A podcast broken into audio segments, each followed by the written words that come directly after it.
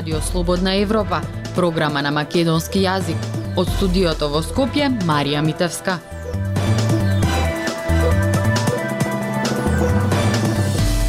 Почитувани гостин во неделното интервју на Радио Слободна Европа е председателот на Собранието Тало Джафери. Со него разговаравме за престојната работа на Собранието по летните одмори, за заканите од опозицијската ВМРО ДПМН за целосен бојкот на законодавниот дом, потоа за уставните измени и можност од распуштање на Собранието ако нема кворум за одржување на седниците. Дали се смета за успешен председател на Собранието бидејќи работеше во услови на расправи и на рабна тепачка, пратеници си разменуваа навреди и фрлаа предмети еден кон друг. Останете со нас.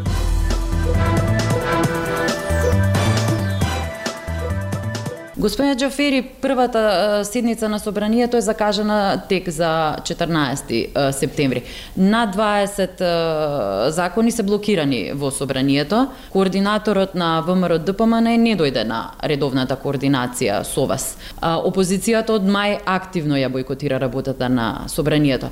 Ке профункционира ли собранието? Ја мислам дека собранието и функционира и ќе функционира. Во секој случај по однос на одлуката за блокирање, тоа си е право на опозицијата како инструмент да го искористи во собранието. Тоа е во доменот на дискусиите кои што се одвиваат и во работните тела и во пленарната седница. Во секој случај пред одморите знаете дека направивме анализа на работа на собранието по однос на пристигнати материјали, решни материјали за останати материјали. И како што знаете, од околу 1000 точки кои што беа планирани по седниците пленарни, 10 на посто или 9 посто поточно од точките се останати неразгледани. И тоа не е останато затоа што собранието не стигнало да ги разгледа. За останати се затоа што председателите на комисиите одбиваат да свикаат седници соодветни да ги поминат првично на комисиите па да дојдат на ред на дискусија на пленарните седници. Така да тоа не е причина собранието, но е човечкиот фактор, односно председателите на комисиите се тие кои што одбиваат да извршуваат функцијата председател на комисијата и да ги стават на дневен ред тие точки.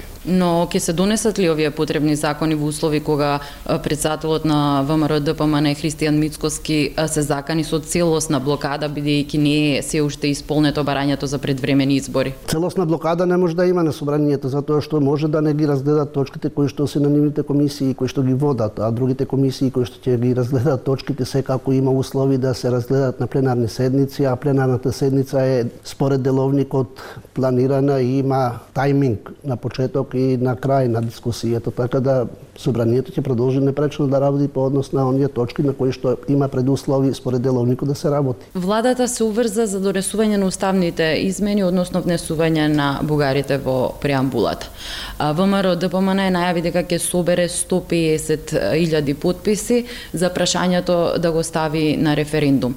Дали ќе го ставите референдумот на дневен ред во собранието доколку опозицијата ги собере потребните подписи? Тоа е хипотетичко поставено прашање. Во секој случај има деловник и има процедура деловничка, така да и јас како председател на собранието и пратениците било кој не може да ја одбегне процедурата затоа што е предусловена. Освен ако не се однесувам онако како што се однесуваат председателите на комисиите по односни точки, на пример, кои што не ги свикуваат седниците, но во секој случај јас ќе ги исполнувам сите обврски кои што произлегуваат од деловникот за работа на собранието и од надлежноста и обврските на председател на собранието да ја испочитува процедурата. Јас немам причина да не ја почитувам процедурата. А, кога сме кај уставните измени, а, дали а, тие ќе влезат во собраниска процедура доколку нема обезбедено двотретинско мнозинство кое е потребно за нивно донесување? Видете, во суштина со обврските кои што се превземени, тоа се обврски не на мнозинството и не на собранието, тоа се обврски кои што државата ги превземела на патот за отварање на предпристапните преговори и на патот за полноправно членство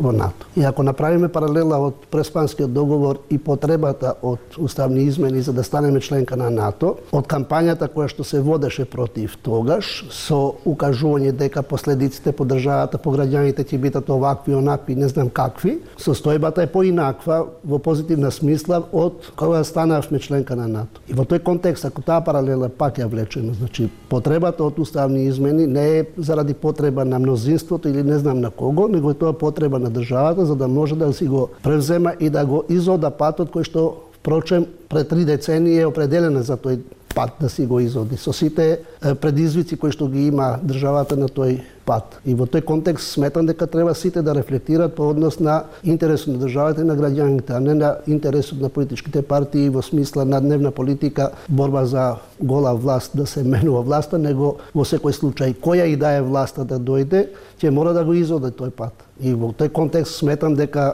како избрани и одговорни луѓе би требало да резонираат сите во контекст на потребата и интересот на државата и на граѓаните, за да може да се отвори тој пат. Во секој случај, ми е конкретно не изгубивме ништо како држава со тоа што направивме уставни измени за да се исполни преспанскиот договор. Напротив, во позитивна смисла има придобивки, значи и државата и граѓаните и сите ние во смисла на оно што е геополитиката денеска. Замислете во такви односи да сте надворото на чадор кој што ви обезбедува оно што треба да се обезбеди, а сами секако е очигледно дека сами не можеме тоа да го обезбедиме. Така да во тој контекст треба да се оди насоката на отварање на патот за реализација на крајната цел да бидеме полноправна членка на Европската унија. Значи очекувате некој од пратениците на ВМРО да помане да гласа за Ја не би ја гледал тако да очекувам или да не очекувам. Очекувам политичките партии како представници на граѓаните да рефлектираат во смисла на оно што е интересот на граѓаните кои што ги представуваме. Во тој контекст очекувам, а ја не правам пресметки дали некој ќе може вака или некој ќе може онака да се однесе во однос на оно што е општо добро за државата и за граѓаните. Проблем беше да се собере и парламентарното мнозинство. Дали претениците ја ставаат партијата пред нивната функција како народни избраници? Во суштина тоа не е проблем да се собере.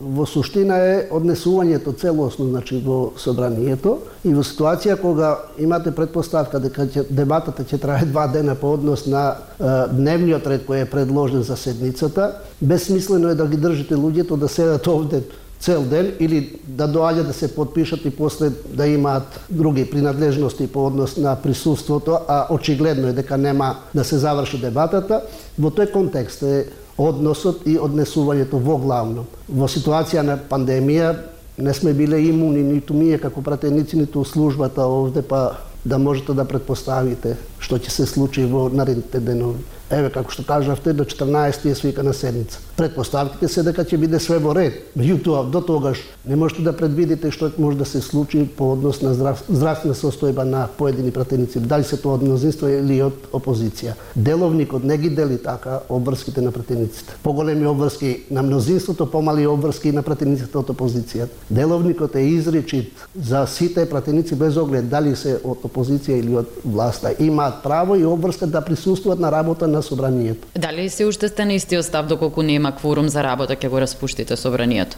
Не да го распуштам, ја не можам да го распуштам собранието. Јас можам само да предложам како право на еден пратеник да предложам предлог одлука за само распуштање на собранието. Тоа секој пратеник го има за право, но контекстот е ако партиите мислат дека решение име предвремени избори, нека се изволат, нека предложат распуштање на собранието па да си одат на избори. Јас сметам дека не е решено тоа. Од 2008 година последователно имаме предвремени избори. И ако направите анализа на изборни години, скоро на секоја година имате процес изборен, а според изборниот законник во тој процес 6 месеци не може да функционира ниту локална власт, ниту централна власт по однос на забраната за работа по однос и на вработување и на капитални инвестиции и све поред. И очигледно е дека треба да се доведе состојбата во ред во контекст на уставот на 4 годишен мандат. Оти уставот вика мандатите се 4 годишни по однос на пратениците и локалната власт со разлика за председателот на 5 годишен мандат. И мора државата да се врати во редовна 4 годишна мандатни период за да може оно што е ветувањето да си го исполнат за 4 години мандат да го исполнат или нема да го исполнат. Тоа ќе го ценат граѓаните. Не ние меѓу себе да цениме дали сме го направили или не сме го направили, едното или другото. Нашата работа ја ценат граѓаните и оценката ја дават на избори, на гласачкото кутија. Затоа е и поставеноста уставна на институцијата парламент така да не може да се отповикува мандатот на пратеникот, него трае 4 години и он може да се продолжи само во воен или во редна состојба. А тоа никој не го постакува да го има. Треба да се вратиме на тој систем на 4 годишен мандат и после граѓаните да ценат кој, како, што и колку сработил или не сработил. Вашата кирка е избрана во надзорниот одбор на компанијата за снабдување со топлинска енергија, а со ИСМ снабдување ќе управува Мисот Јакупи, шеф на изборниот штаб на ДУИ во, во Студеничани. Опозицијата нова гледа како на непотизам и влијание на вашата функција за нејзиното вработување. Како вие гледате нова? Секоја институција има своји надлежности. Секој субјект има своји надлежности. Јас не сакам да навлезам сега во таа дебата, има други институции кои што се бават со тоа. Впрочем, како што знаете, е отворена постапка во Државната комисија за спречување корупција и конфликт на интереси и тие ќе одлучат и ќе видат што е што. Оно јас што го знам и не инсистирав да го имам тој документ, ќерката не е избрана. Ќерката е покрај редовните работни задачи е задолжена во сферата на стручноста по која што е вработена во ЕЛЕМ, зашто претходно ДКСК утврди дека нема влијание, соодветно да обавува дополнителни задачи во новоформираната некоја таму сега не знам која, дали за грејењето, дали за што е, да обавува и обврска на надгледување на процедурите и на процесот на работа на фирмата. Воспротивно, ако би одбила тоа да го направи, според друг закон, таа би подпаднала под одговорност, по цена и по ризик да изгуби работно место затоа што дополнителни задачи покрај редовните не може да се одбиваат. Тоа има други закони кои што ја обврзуваат. Без оглед дали е моја ќерка или било чија ќерка или син да е, во тој контекст. Јас сум духовно мирен по тоа што сум убеден дека ни со што не сум влијал врз таквата одлука на институцијата каде што е вработена. Впрочем, мали милион луѓе овде се унапредени во собранието што јас треба да водам евиденција кој чиј син, кој чија ќерка или снага. Јас си гледам процедурите овде според законот. Исполнува услови за унапредување, си оди на унапредување. Има потреба од дополнителни задачи, ќе давам дополнителни задачи, но за тоа законот ме обврзува определен износ, процент на плата да се доплати поради обврските кои што дополнителни се дават на работникот. Тоа се законските решенија. А другото, кажам, има други институции и они ќе ценат, ќе видат што е што. Така да јас сум по тоа прашање мирен, чувствувам дека и ќерката е мирна затоа што е свесна дека тоа и се работни обврски на работно место, другото ќе го кажат институциите. Се сметате ли за успешен председател на собранието бидејќи имавме ситуации а, кога расправата а, се одвиваше на рапна тепачка, навреди а, на пратениците еден кон друг, фрла предмети еден а, кон друг. Имате ли вие одговорност за ова? Па прво и основно никогаш во животот не се само оценувал по однос на работите и функциите што сум ги извршувал, тоа има соодветни процедури и институции кои што го вршат. Во случајов крајната оценка за успешноста или неуспешноста моја ќе ја дават граѓаните. Јас нема потреба да се само оценувам по однос на тоа. Јас сметам дека процедурите ги спроведувам сотно на деловникот, уставот, оно што се законските рамки на надлежностите и правата на председател на собранието и во тоа рамка мислам дека во повеќе наврати имало и конкретни иницијативи за евентуална моја одговорност за неспроведување, односно непочитување, кои што соодветните институции ги отфрлиле како неосновани и во тој контекст сметам дека крајниот збор е на граѓаните да кажат како и што сработил овој председател на собранието. Прочем, јавното мнение, ако сте ги следеле, граѓаните имаат соодветно мислење по однос на тоа. Јас не чувствувам потреба дека сам за себе треба да зборам успешно или неуспешно. По однос на однесувањето на пратениците, тоа е работа на општа политичка култура, која за жал недостасува кај нас во целина, значи воопшто, и тоа се резултати значи на таква на таков недостиг. Луѓето не знаат да си го терат оно што е политичко, да си го терат политичко, него се претвараат во лични квалификации меѓусебни и секако тоа произведува и такви непосакувани ситуации. Што се однесува до одговорностите, јас се чувствувам одговорен за оние процедури таму кај што сум бил должен да превземам соодветни мерки, не сум превземал, мислам дека во секоја ситуација сум ги превземал сите потребни мерки, а во контекст на другото одговорност, кривична одговорност на пратениците нема за било какво постапување во собранието и на говорница, така да останува на етика индивидуална сечија да си се постави така како што ти се постави. Го слушавте неделното интервју на Радио Слободна Европа. Од студиото во Скопје со вас беа Марија Митевска и Дејан Балаловски.